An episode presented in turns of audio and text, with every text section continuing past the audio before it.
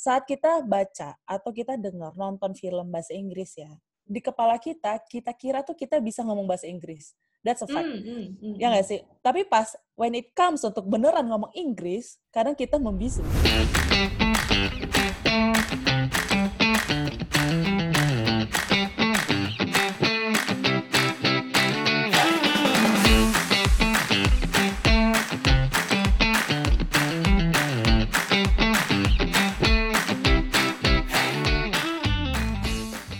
Everyone.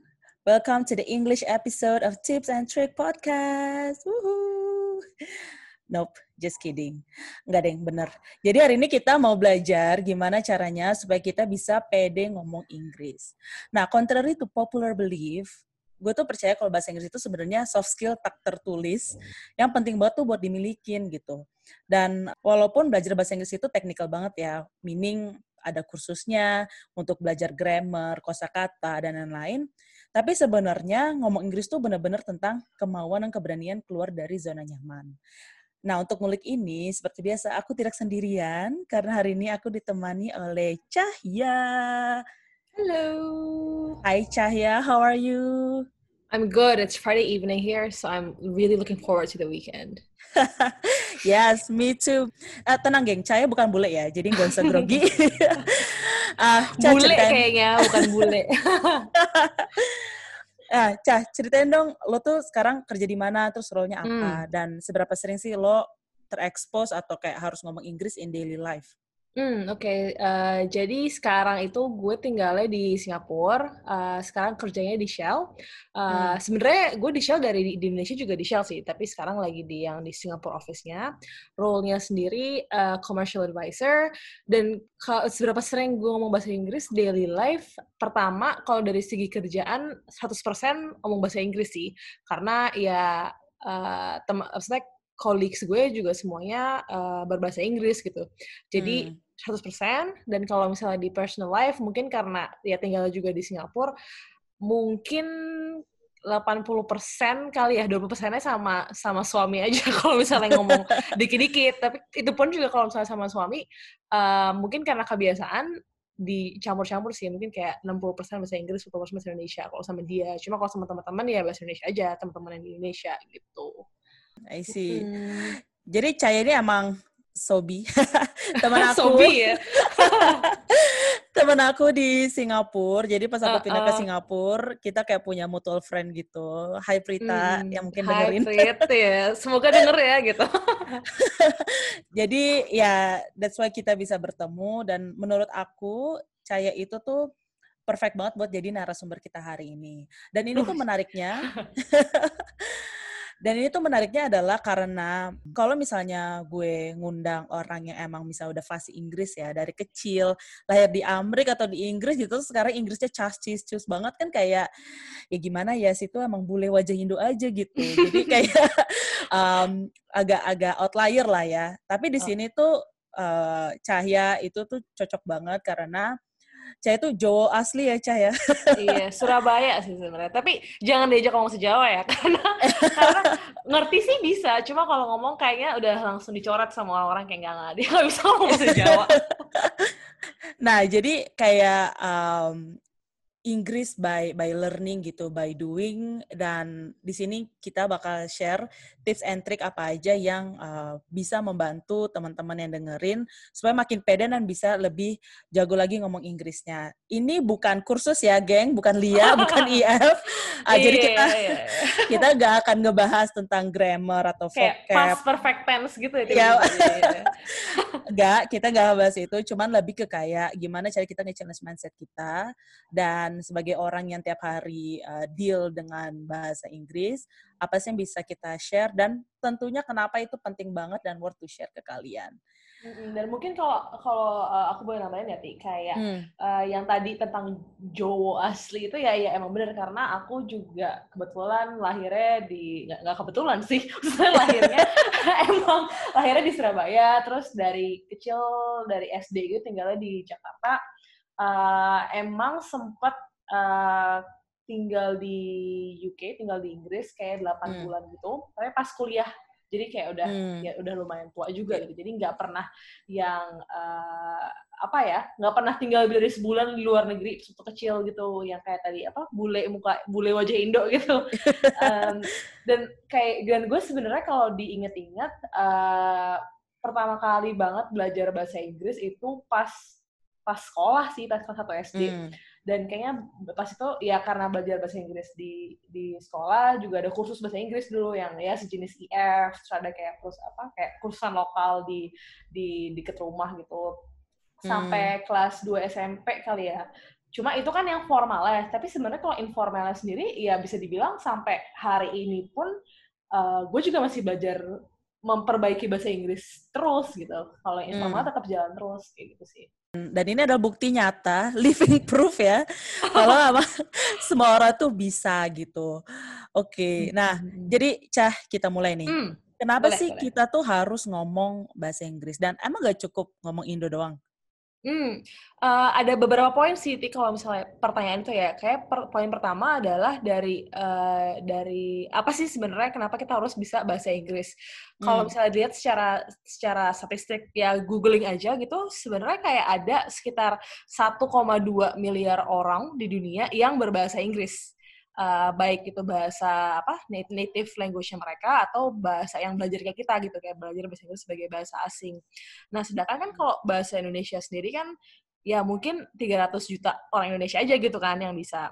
Jadi bisa bahasa Inggris tuh ngebuka dunia gitu bahasanya. Jadi kayak kita hmm. lebih bisa berkomunikasi sama orang-orang di luar di luar sana, baik pas kita lagi traveling atau pas kita lagi uh, kerja atau semisal komen-komenan di Twitter atau Instagram orang gitu kan. Dengan kita bisa berbahasa Inggris, kita lebih bisa kenal sama berbagai orang gitu. Jadi kan hmm. dunia kita lebih lebih lebih luas gitu ya. Dan uh, sebenarnya kalau misalnya sebagai kayak pers personally nih ya kayak gue tuh orangnya suka banget belajar bahasa, belajar bahasa asing gitu hmm. karena bisa apa ya bahasa tuh kalau menurut gue bukan cuma bahasa grammar verb tense bla bla bla gitu cuma juga ber, berhubungan dengan budaya mereka Ka karena misalnya kalau belajar bahasa Jepang gitu banyak kata-kata yang ujung-ujungnya tuh nggak bisa ditranslate secara langsung ke bahasa Indonesia karena kan mereka kan sangat amat sopan gitu. Jadi dengan aku belajar bahasa Jepang tuh bisa ngelihat oh ternyata tuh budaya mereka tuh semuanya sangat amat sopan dan formal dan nggak bisa misalnya ngomong enggak secara langsung gitu, nggak gamblang, nggak straightforward. Jadinya hmm apa ya kayak memperluas wawasan juga selain selain secara langsung kayak tadi yang poin pertama bahwa kita bisa ngomong sama mereka secara tidak langsung juga kita bisa lebih ngerti oh jadi gini toh kalau misalnya orang Jepang oh gini toh kalau misalnya orang Prancis so and so forth hmm. itu sih kalau misalnya secara secara luasnya dan hmm. kalau misalnya secara praktisnya ya uh, kalau kita bisa bahasa Inggris kan kalau kita nyasar lagi di luar negeri orang ngerti gitu. Jadi kayak kita bisa terselamatkan kan. Uh, hmm. dan balik lagi itu lebih ke Inggris kan mungkin sekarang bahasa yang di, yang bisa dibilang paling universal gitu. Jadinya uh, juga ada direct benefitnya ada manfaat langsung buat kita. Dan kalau misalnya aku lihat juga di dunia kerja sekarang uh, terutama kalau misalnya kayak manajemen training MT MT program fresh grad itu banyak kan sekarang yang udah uh, requirement saya persyaratan itu minta kita bisa berbahasa Inggris gitu. Ya, setuju sih, setuju banget karena mau nggak mau ya kita tinggal di dunia yang memang bahasa Inggris itu adalah bahasa universal. Um, sayangnya bukan bahasa Indonesia yang jadi bahasa global ya. Um, jadi untuk bisa uh, bisa apa namanya berkomunikasi dengan orang lain, membuka wawasan baru sih tadi, membuka dunia lah itu memang bahasa Inggris itu penting banget untuk dipelajarin. kalau boleh nambahin nih ya, Ti. Hmm. Uh, jadi kalau misalnya satu hal juga yang setelah setelah, setelah dijalanin kayak gue tuh sadar kalau eh, lagi-lagi secara praktis banyak uh, kayak resources, referensi-referensi itu yang cuma ada di bahasa Inggris doang gitu. Kalau misalnya hmm. nih kayak pas inget zaman-zaman skripsi dulu, kadang-kadang tuh emang banyak yang yang nggak ada translate bahasa Indonesia aja. Jadi emang mau nggak mau harus baca yang bahasa Inggris. Dan misalnya kita mau belajar tentang suatu topik gitu ya. Kadang-kadang hmm. kalau kita Google yang bahasa Inggris sama bahasa Indonesia, itu hasilnya bakal beda gitu. dan ya benar-benar iya kan jadi kayak dengan kita bisa bahasa Inggris kita juga uh, emang lebih bisa belajar tentang hal-hal lain juga kayak Google Translate di ini ya di di chat Grab driver iya iya iya ya, ya kayak gitu. artinya udah udah udah beda gitu Yoi. nah Ca tapi kan um, maksudnya kita memang dalam kerjaan sehari-hari semakin banyak menggunakan bahasa Inggris gitu dan kita yang tinggal di Singapura pun pasti 100% menggunakan bahasa Inggris karena memang itulah bahasa yang digunakan di sini. Cuman mm-hmm. kalau kita ngomongin in in wider audience ya uh, sebenarnya semua kerjaan tuh butuh nggak sih ngomong bahasa Inggris? Hmm, sebenarnya sih tergantung kerjaan ya. Maksudnya uh, mungkin nggak semua ada tulisan jelas kayak persyaratan harus minimal IELTS atau TOEFL berapa sih nilainya kayak 600 atau kayak IELTS hmm. minimal lima setengah segala macam.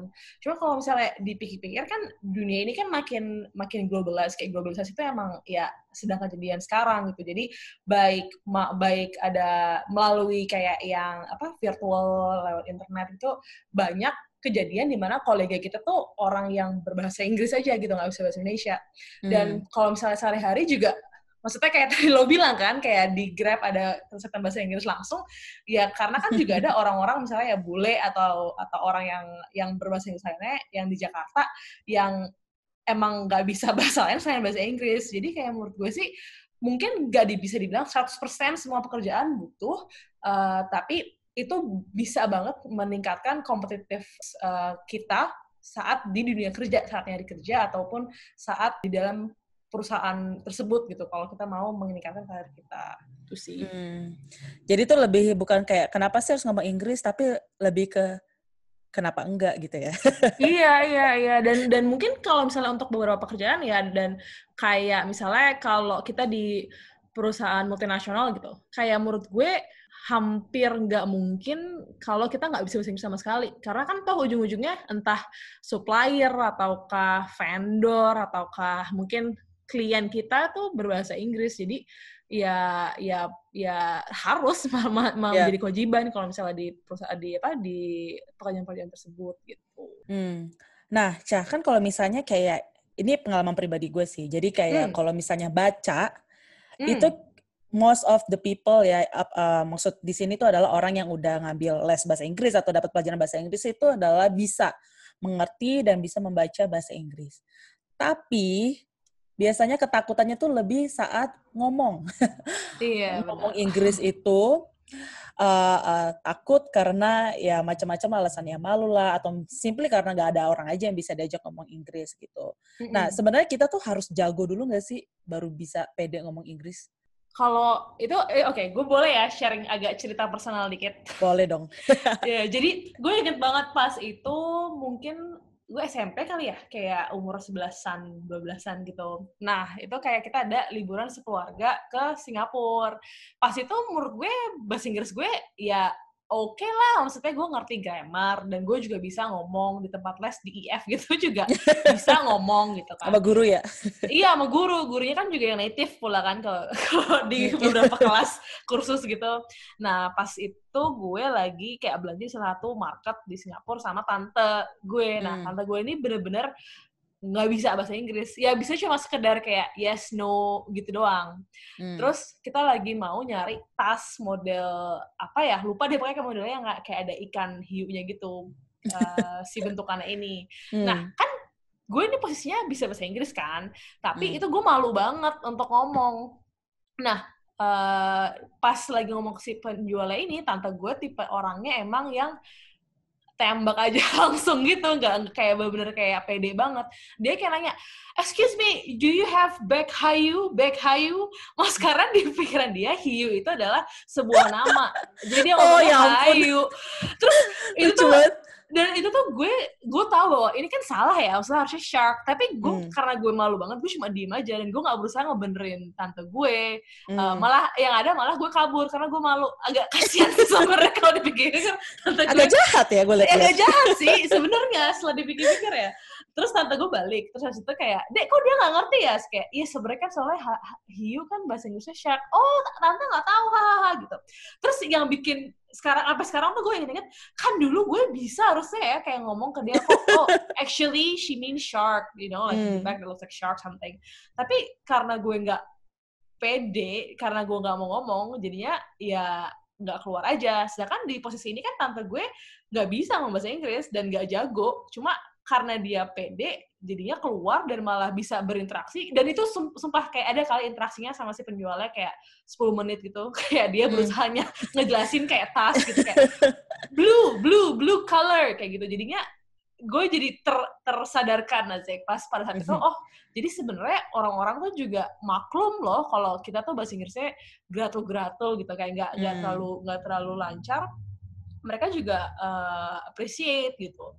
Dan kadang hmm. kalau misalnya uh, kayak gue lagi ngobrol sama teman-teman gitu ya, ada rasa malu di mana mereka ngerasa, aduh, ini kan bahasa Inggris gue Indonglish banget, Indonesian English banget, kayak medok-medoknya tuh keluar gitu kan. Hmm, hmm. Dan itu menurut gue sih tabrak aja gitu. Jangan jadi kayak gue, jadilah kayak tante gue yang ngomongnya baik hayu gitu. Terima kasih Tante Cahya mungkin mendengarkan. Iya, mungkin lagi ngedengerin gitu kan. Karena kalau misalnya dan ini yang gue gue sadar banget sih setelah di Singapura justru setelah gue di Singapura gue lebih pede lagi ngomong bahasa Inggris. Kenapa?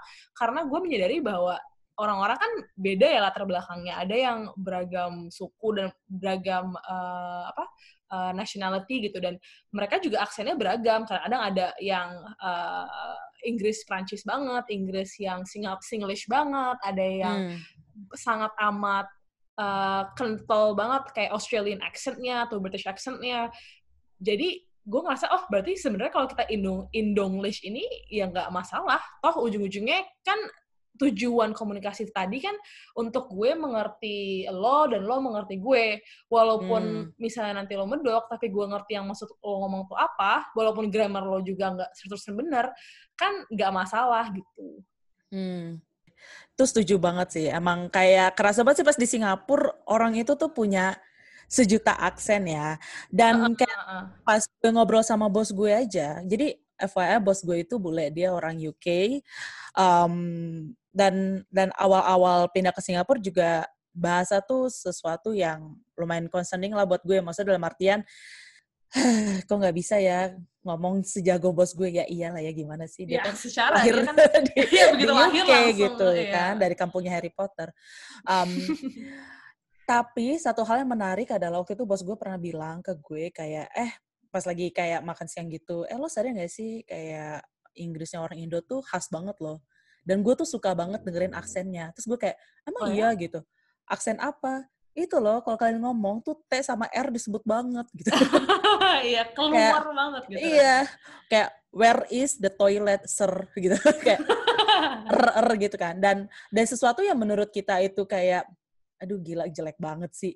Gue ngomong kayak belum fase nih.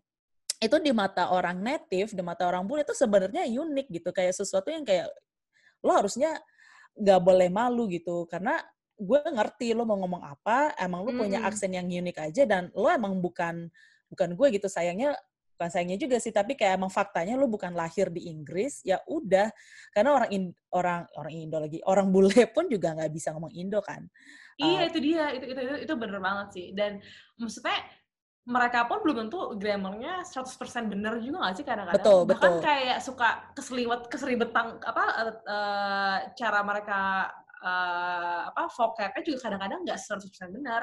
Jadi hmm. kalau mereka aja nih yang dari kecil udah bahasa Inggris uh, dan mungkin waktu SD belajar Shakespeare gitu kan, mereka hmm. aja salah, berarti kalau kita salah tuh sangat amat normal kan. Betul banget. Jadi ini sebenarnya yang menghambat orang untuk bisa atau pede ngomong Inggris tuh lebih ke mindset ya. Iya, ya menurut gue sih lebih ke mindset banget sih. Satu kayak tadi kayak, aduh gue malu, gue ada aksen nih karena takut yang Indong Indonglish, takut ada pronunciationnya salah.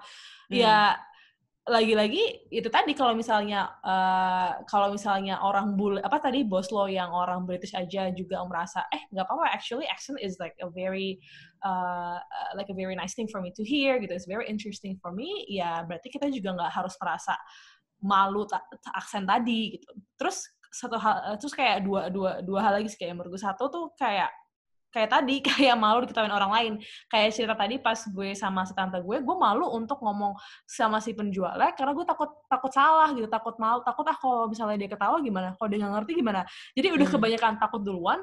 Padahal sebenarnya kalau dicoba aja most likely dia ngerti juga nih orang yang berbahasa Inggris ini juga ngerti juga kita ngomong apa dan Benar. tadi kayak kayak lo bilang gitu bos lo yang orang Inggris juga nggak bisa kan dia ngomong bahasa Indo jadi ya hmm. ya udah gitu Terus tadi yang salah uh, apa salah grammar, uh, gue pun sampai sekarang sehari-hari juga pasti yakin banget selalu, nggak selalu bener sih grammarnya. Dan bahkan orang-orang yang emang native pun juga grammarnya nggak selalu bener. Jadi menurut gue itu tadi karena di, di otak kita tuh udah serem nih kayak aduh ngomong bahasa Inggris. Itu udah sesuatu tekanan batin gitu ya. Jadinya di, di di kepala tuh jadi banyak banget hambatan lah untuk kita bisa ngeluarin si back hayu lah atau kayak tabrak dinding aja gitu Benar sih, benar sih. Dan menurut gue ini juga mungkin ada hubungannya dengan um, salah satu culture di Indo kali ya, yang kayak kalau orang salah tuh bener-bener diketawain habis-habisan gitu. Jadi kayak hmm. misalkan hmm, pas kecil, pas SD, kayak bullying-bullying gitu lah. Kalau misalnya ada yang salah ngomong atau apa kayak, haha, gila lo jelek-jelek-jelek gitu, lo nggak bisa, hmm. lo nggak bisa gitu. Jadi kayak kepercayaan diri tuh terkikis. anjay. Kayak um, jadinya malu gitu dan dan mungkin ada ada rasa trauma juga. Takut kalau misalnya dia ngomong. So kalau kita ngomong terus hmm. ternyata ya orang ngerti nggak sih gue ngomong apa? Kayak gitu. Tapi sebenarnya balik lagi sih yang kayak tadi saya bilang ketakutan itu tuh mungkin cuma ada di kepala kita gitu loh. Dan kalau kita nggak berusaha ngomong atau speak out ya kita nggak akan belajar belajar untuk ngomong ke ke orang lain dengan dalam bahasa Inggris. Hmm, dan gitu. dan dan uh, ini kayak bo boleh ya kayak sharing framework? Kadang-kadang kalau misalnya gue agak suka deg-degan gitu ya kalau misalnya mau bikin suatu keputusan gue selalu gue selalu ngelihat dari sisi oke okay, what's the worst that could happen? Kayak apa sih sejelek-jeleknya nih? Apa sih yang bakal kejadian? Hmm. uh, misalnya nih kita lagi di di Indonesia gitu kayak uh, di Jakarta misalnya. Terus kita ketemu ada kayak bule atau apa terus kayak eh kita mau ngomong sama dia. Tapi takut nih bahasa Inggrisnya jelek atau kita lagi traveling ke mana lah ke Singapura misalnya yang dekat terus mau ngomong sama orang tapi deg-degan gitu. Berarti kan yang worst case scenario ini adalah dia nggak ngerti kita kan? Berarti hmm terus kalau dia nggak ngerti kita terus terus kenapa? Ya ya udah dia nggak ngerti kita aja. Dan benefitnya buat kita kan oh berarti bahasa Inggris gue ini kurang dapat dimengerti sama orang. Jadi oh gue harus improve. Berarti ada satu pembelajaran yang kita bisa lakukan dari hal tersebut. Dan of course best case scenario-nya adalah dia ngerti kita gitu. Kayak oh ya udah berarti gue bahasa Inggris ini udah cukup mumpuni untuk ngobrol sama orang. Jadi dipikir-pikir benefit sama cost-nya tuh ya kosnya hampir nihil gitu paling kosnya ya malu hari itu doang tapi hmm. benefitnya kan sebenarnya oh berarti gue bisa latihan bisa uh, memperbaiki cara ngomong lah atau memperbaiki grammar lah atau apa gitu jadi jangan takut aja sih uh, dan dan kayak tadi gue sharing kan dulu pun juga gue takut dan it emang butuh waktu sih untuk bisa mencapai momen zen dan momen asal tabrak tabrak aja dan jangan malu tapi itu perlu dilatih. Karena kalau misalnya kita nggak nggak nyoba-nyoba ya nggak bakal berkembang juga. Dan kalau misalnya tadi kayak lo bilang pas dulu ada yang bullying lah atau diketawain ah bahasa Inggrisnya jelek. Ya udah ditanya balik. Ya udah kalau misalnya uh, kalian mengkritisi kita terus nih boleh nggak? Mau nggak? Coba bantuin gue bantuin gue belajar bahasa Inggris gitu. Kalau misalnya emang gue salah grammarnya kasih tahu yang benar biar next time gue bisa memperbaiki grammar gue dan pakai yang benar gitu Setuju banget sih sama Cahya. Dan kalau aku bisa ngasih perspektif ya, jadi jangan jadikan um, apa sih namanya trauma atau misalkan oh belum ada nih orang yang bisa diajak ngomong Inggris sebagai alasan terus menerus uh, dibalik ketakutan kita gitu. Jadi kayak kita bilang kita takut ngomong bahasa Inggris, tapi sebenarnya kita cuman males aja untuk praktis karena kalian kayak nggak pernah tahu gitu loh kapan momen itu datang di mana kalian dipaksa harus ngomong bahasa Inggris gitu. Hmm, kayak misalnya hmm, hmm. momen di mana Cahya datang ke market di Singapura beli tas beli tas hiu kan. Jadi apa ya nggak ada salahnya untuk mulai cuap-cuap lah atau persiapan atau membangun kepedean lah diri sendiri um, jadi sehingga saat waktunya datang itu tuh bisa apa aja bisa kayak tiba-tiba temen kalian eh temenin gue dong temen gue ada nih dari luar negeri mau jalan lu mau ikut gak? Gitu kan kalau jalan bertiga terus lu diem doang karena lu takut bahasa Inggris sebenarnya lu bisa kan agak sedih ya gitu. Terus iya, iya. kayak atau misalnya interview kerja gitu tiba-tiba usernya atau bosnya orang luar yang harus ngomong bahasa Inggris kan nggak tahu juga gitu. Jadi persiapan itu emang penting dan dan ini mungkin gak harus serius banget gitu. Gue percaya mungkin yang dengar podcast ini mungkin mayoritas juga udah pernah belajar bahasa Inggris. is just about practice dan juga melawan ketakutan uh, atau ke, ketidakpedean kita itu. Hmm, nah, ngomong-ngomong tentang melawan ketakutan dan ketidakpedean itu, apakah ada tips and trick cah yang bisa tips share? and trick harus pakai hak tips ya tips ya betul Iya, tentu ada dong pastinya tips and trick. Uh, dan ini semua pengalaman pribadi ya, Ti. Jadi benar-benar yang aku pernah pakai selama 25 tahun ke belakang gitu. Mm. Dan sebenarnya tipsnya ini tuh dimulai dari satu uh, apa ya framework yang selalu aku pakai di saat aku lagi mau belajar sesuatu apa pun itu. Yaitu make it fun gitu. Jangan bikin ini sebagai sesuatu yang serem sesuatu yang menakutkan sesuatu yang benar-benar bikin keringat dingin gitu. Hmm. jadi maksudnya apa? Karena kan sekarang bahasa Inggris itu buat beberapa orang itu serem. Karena banyak tadi karena tadi masa tengah tadi udah aduh ini susah ini uh, takut salah bla bla bla coba pelan-pelan nge-unlearn hal tersebut gitu kayak mendemistifikasi azik bahasanya. Kayak mendemistifikasi sebenarnya belajar bahasa Inggris itu nggak seram dan malah menyenangkan. Uh, karena kalau misalnya kita mikir itu serem takut itu gampang banget kita jadi patah arang uh, hmm. dan ujung-ujungnya udah nyerah emang gue nggak bisa aja bahasa Inggris. Dan pertama uh, pertama-tama menurutku langkah pertama adalah kita harus bikin lingkungan itu kondusif untuk kita belajar dan membiasakan diri dengan berbahasa Inggris. Misalnya hal semudah pakai settings handphone bahasa Inggris lah atau kayak hmm. nonton Netflix pakai bahasa Inggris. Jadi bikin bahasa Inggris itu sebagai suatu hal yang uh, memang sehari-hari aja, bukan sesuatu hmm. hal yang spesial gitu. Jadinya kita betul, udah betul ternormalisasi pakai bahasa Inggris. Jadi dengar orang ngomong cacis bahasa Inggris kayak, oh ya udah, jadi cuma kayak sekelebat lewat aja, nggak malah jadi kayak deg-degan. Oke, okay, jadi gimana sih caranya kalau gitu kita menormalisasikan bahasa Inggris? Kalau dari gue, uh, gue bagi dulu ya. Jadi pertama, speaking sama listening uh, yang sangat amat praktis dan bisa digunakan sehari-hari. Yang kedua, reading sama writing yang tadi uh, Titi sendiri udah bilang bahwa reading mungkin ya boleh lah, cuma speaking sendiri yang serem. Jadi aku mulai dari speaking dulu. Hmm. Kalau misalnya dari speaking, jujur satu tips yang selalu uh, gue kasih kalau ada teman yang nanya, eh gimana ya caranya improve speaking bahasa Inggris? Tips dari gue adalah coba latihan ngomong sendiri di kamar mandi di shower hmm. atau pas lagi pakai uh, toilet, lagi pakai WC gitu ya. Kenapa? Karena ini ngebiasain lidah kita, ngebiasain kuping kita, ngebiasain otak kita ngomong bahasa Inggris dan membiasakan kita diri kita sendiri tuh ngomong bahasa Inggris gitu. Jadi begitu si situasi ini mengharuskan kita ngomong bahasa Inggris kayak si uh, apa back hayu tadi, momen back hayu atau momen itu tadi, kita udah nggak merasa lidahnya kaku gitu. Jadi udah hmm. udah udah terlatih ngomong bahasa Inggris. Dan kenapa harus di kamar mandi? Karena kalau aku kan orangnya mungkin nggak sedisiplin itu ya. Jadi kalau misalnya harus uh, ngeblok satu jam per minggu atau satu jam per hari untuk latihan bahasa Inggris, pasti ujung-ujungnya, aduh malas deh, dan dan mem, dan bikin bahasa Inggris tuh jadi suatu hal yang serem dan suatu hal yang sangat amat formal dan kaku dan harus gue belajarin pakai buku gitu. Sedangkan hmm. kalau man, kamar mandi kan kita sehari-hari pasti make kamar mandi minimal dua kali pas lagi mandi kan. Jadi hmm. menggabungkan uh, sesi mandi dengan sesi belajar speaking bahasa Inggris jadi satu dan itu nggak nggak bikin belajar dalam kutip belajar bahasa Inggris menjadi suatu hal tambahan di hidup kita itu sih nomor hmm. satu. Menurut lo gimana? Setuju sih. Dan jujur sama sih. Ini juga tips yang selalu gue lakuin.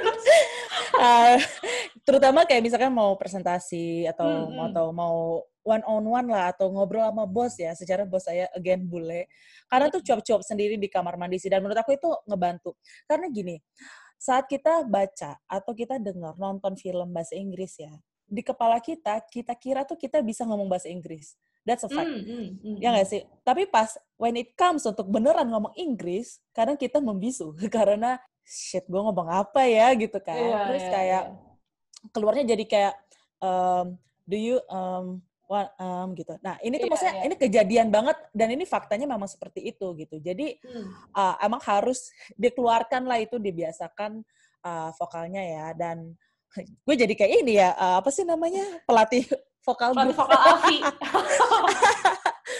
Um, tapi benar gitu dan dan satu hal lagi yang menurut aku nambahin dari Caya Hmm. kita harus mengacknowledge kalau kita itu bukan orang bule Ya, itu ya. satu hal jadi saat kita ngeliat orang lain ngomong cas cis cus gitu atau nggak usah bule lah misalkan teman kita atau artis gitu ya yang udah lama luar negeri ya um, bahasa Inggrisnya tuh bagus banget gitu Uh, boleh kita jadikan inspirasi tapi itu nggak realistis buat kita yang misalkan baru belajar atau atau jarang banget ngomong bahasa Inggris untuk sekalinya ngomong Inggris bisa langsung kayak mereka Hmm. karena ya. semua pun butuh belajar kan kayak uh, Caya sendiri nih contohnya gitu itu kan ada yang namanya uh, belajar bahasa Inggris dipaksa ngomong um, dan kebetulan ada opportunity untuk tinggal di luar juga kan waktu itu pas kuliah ya Hmm, hmm. Cah Iya, dan iya. dan itu semua pasti nggak itu butuh proses kan jadi setback apa ya realistically kalau kita memang bukan native kita bukan orang bule dan mungkin kita nggak akan bisa ngomong seperti orang bule. That's a fact. Ya, tapi itu ya, nggak setuju. apa-apa gitu loh. Jadi yang penting kita latihan dan kita bisa ngomong sesuatu yang mereka bisa mengerti dengan rangkaian kata saat kita berkomunikasi dengan mereka yang jelas gitu. Dan dan Hmm, hmm. mungkin nggak nggak banyak bata-batanya sih. Hmm, karena balik lagi kan ujung-ujungnya gimana cara kita bisa berkomunikasi sama mereka kan. betul Dan ya, tadi nggak perlu jadi jadi jadi Shakespeare gitu. Yang penting betul bisa dimengerti aja. betul Dan kalau boleh eh, nambahin lagi ya, yang apa bagian ngomong sendiri di shower tadi, eh, itu balik lagi ke konsep harus dibikin fun. Kadang-kadang tuh ya udah gue ngomong yang eh, ada di otak aja. Jadi karena misalnya nih, eh, gue orangnya suka sejarah. Jadi kadang-kadang pas lagi di shower kayak ngomong, Hi, so today I would like to talk to you about British history. I love British history because of blah blah blah blah blah. Yang benar-benar sebenarnya nggak bakalan ada meeting atau presentasi yang mengharuskan gue ngomong tentang hal tersebut. Tapi karena jadi otaknya nggak nggak harus dipakai buat muter ah ngomong apa ya jadi bener yang ada di otaknya langsung dipikirin atau Hmm. kadang-kadang kalau lagi bengong banget yang gue suka lakukan adalah ba- kayak baca botol shampoo gitu di belakang kan suka ada yang pakai bahasa Inggris kan kayak bener Iya, iya kan iya, kayak iya. misalnya this shampoo will give you extreme like extreme volume and frizz-free hair for Hmm. 24 hours. Maksudnya dengan baca itu secara langsung dan jangan cuma di di dalam otak di dalam pikiran doang aja ya, cuma bener kayak disebutkan kayak oh 24 hours bla bla bla bla bla. Karena Hmm. sembari kita ngomong kan kita juga dengar diri kita. Tahu kayak kayaknya ada yang aneh deh dengan cara gue menyebutkan 24 tadi, oh mungkin diulang lagi atau intonasinya diperbaiki kayak gitu, gitu sih. setuju setuju Mm-mm. Terus kalau itu kan tadi dari soal speaking ya, kalau soal listening eh, lagi-lagi dengan konsep semua harus dibikin fun dan semua harus dibikin kegiatan sehari-hari. Hmm. Eh, sekarang kan lagi zamannya di rumah aja nih dan please semuanya stay at home biar kita semua bisa eh, melewati masa-masa pandemi ini bisa banget nonton film di Netflix atau di YouTube atau di mana pun itu eh, pakai subtitle bahasa Inggris gitu. Hmm. Itu menurut gue itu ngebantu banget dalam eh, apa dalam listening dan reading juga sih sebenarnya karena ya kita kan dengar nih si aktor aktrisnya itu ngomong apa dan kita tahu dalam bahasa Inggris oh dia tuh ngomong ini jadi caranya nyebut kata ini tuh gitu loh gitu oh Hmm. caranya nyebut setuju uh, oh kalau misalnya si mbak ini ngomong ini dalam bahasa mungkin aksen yang British banget oh itu maksudnya tuh dia ngomong tea gitu oh selama ini tuh nggak nggak nggak nggak ngeh aja gitu di kuping Hmm. dan kenapa aku prefer pakai subtitle bahasa Inggris daripada subtitle bahasa Indonesia karena biar otaknya juga sekalian dilatih uh, tahu bahwa oh ini bahasa itu ini supaya itu itu kayak gitu. Hmm, setuju sih, setuju. Dan kadang tuh gue kalau misalnya dengar suatu pronunciation di film ya, kan aksennya tuh banyak banget ya. Even di omong bule aja aksennya banyak banget gitu. Kayak paling yeah. gampangnya adalah aksen Amerika dengan aksen British. Um, kalau misalnya di Amerika tuh kalau ngomong air kan water. Tapi kalau hmm. misalnya di British kan water gitu kan. Iya, iya, iya. Jadi tuh kayak dulu tuh sempat um, yang benar yang mana sih gitu. Jadi sebenarnya nggak ada yang benar juga gitu. Kalau misalnya orang kita ngomong water juga sebenarnya bener-bener aja gitu kan iya, karena bener, bener. artinya air-air juga gitu uh, hmm. cuman itu salah satu nonton film dengan subtitle bahasa Inggris itu menurut aku membantu banget sih untuk bisa hmm, tahu hmm. sebenarnya kalau orang Amerika atau orang Inggris ngomong tuh kayak gini loh gitu dan kita bisa hmm. belajar dan improve cara kita baca suatu kata itu akan membuat kita terdengar lebih pro lah in a way.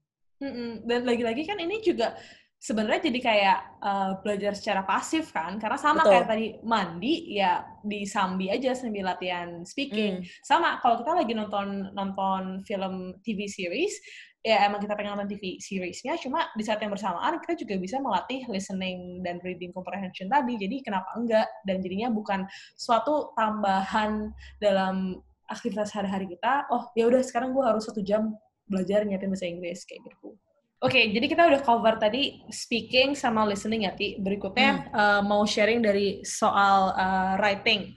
Nah, aku nih kebetulan orangnya suka ngeblog. jadi salah satu tips yang menurutku berguna adalah latihan uh, menulis dengan bahasa Inggris di blog. Atau ya boleh sih kalau misalnya mungkin nggak mau di nggak mau dipublish karena uh, malu lah atau karena karena nggak pede atau gimana nggak apa-apa juga sih uh, dibikin aja di jurnal pribadi lah atau apa karena sembari kita nulis dan dan apa ya kayak menceritakan oh hari ini lagi kayak apa sih yang yang gue rasain oh hari ini kejadiannya apa sih atau lagi memikirkan sesuatu menuang menuangkan ide di dalam suatu uh, blog post itu membantu kita menstrukturkan pikiran kita dan di saat bersamaan dengan menggunakan bahasa Inggris kan juga kita bisa ngelihat kan uh, sembari kita ngetik oh tunggu deh ini kayaknya kedengarannya salah atau kayak oh ini kok agak agak kaku ya kalimatnya. Hmm. Uh, jadi sambil bisa kita nge-refleksi ini juga. Dan sampai sekarang aku juga suka baca-baca blog post aku yang dari zaman tahun 2011 gitu misalnya. Bahkan pernah nemu juga kayak post dari zaman SMA. Dan kalau dilihat kayak bahasa Inggrisnya ya kacau banget sih.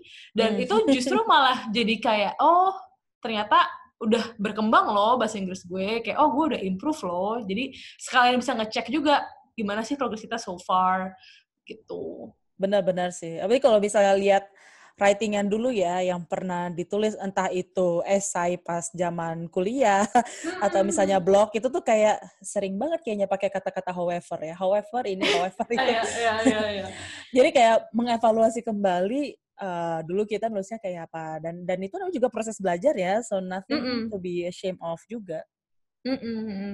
Dan ngomong-ngomong soal uh, proses belajar, salah satu hal yang menurutku berguna juga adalah kalau kita punya teman belajar.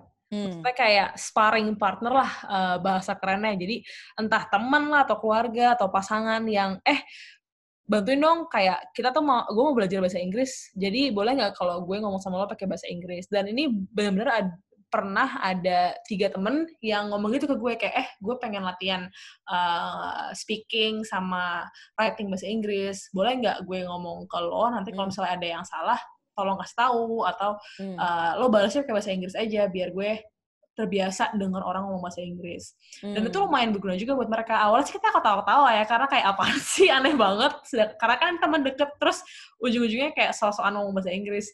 Tapi jadinya ngebantu. Dan balik lagi ke konsep awal gue tadi ya, Ti, bahwa harus hmm. dibikin menyenangkan dan harus dibikin kegiatan sehari-hari. Jadinya... Oh ya ya udah kayak emang mau ngobrol sama teman aja. Dan kadang-kadang juga suka susah dan jadinya makin lama. Cuma kan kembali lagi kita emang pengen belajar di sini. Dan kalau hmm. misalnya kita udah udah udah you know kayak set that objective set that goal in mind dari awal kita pasti uh, terbuka kan. Kalau misalnya dikritisi atau diberi feedback jadinya lebih hmm. lebih reseptif gitu.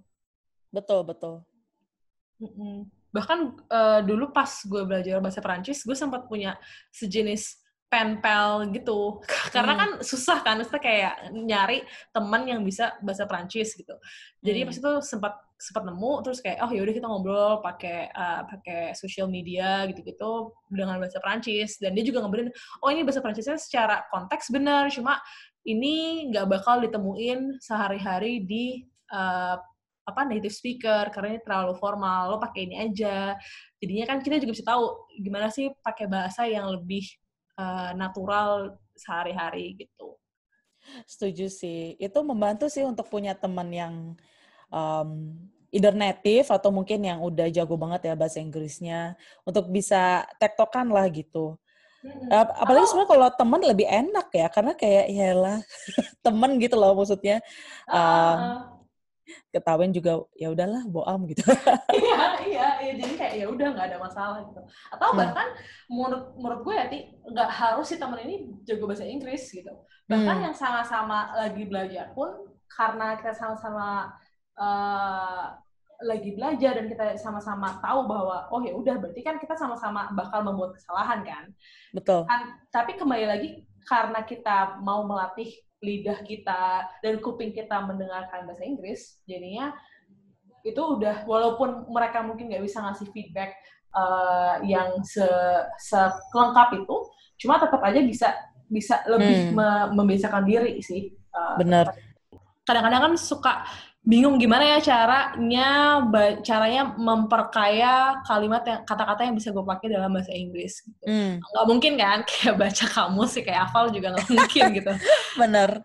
Uh, selain tadi nonton film Netflix tadi, uh, hal lain adalah baca buku dalam bahasa Inggris. Nah, kalau misalnya ini sesuatu yang uh, sampai sekarang masih gue kerjain ya. Jadi kalau misalnya gue lagi baca buku, terus ada kata-kata yang gue nggak tahu, itu bakal gue linkerin. Nanti pas chapternya kelar, bakal gue balikin lagi, terus gue cari tahu artinya apa dan gue tulis di situ kayak oh ini itu artinya uh, adalah ini gitu. Dan gue orangnya yang kalau nulis tuh bisa lebih hafal, bisa lebih masuk. Hmm. Jadinya gue tulis di buku itu. Ya mungkin ada juga yang gak setuju kali ya, aduh buku gak suka nyoret-nyoret. Ya gak apa juga, bisa ya taruhlah di, di buku catatan lainnya misalnya kalau nggak mau nggak coret-coret buku tersebut. Dan hmm.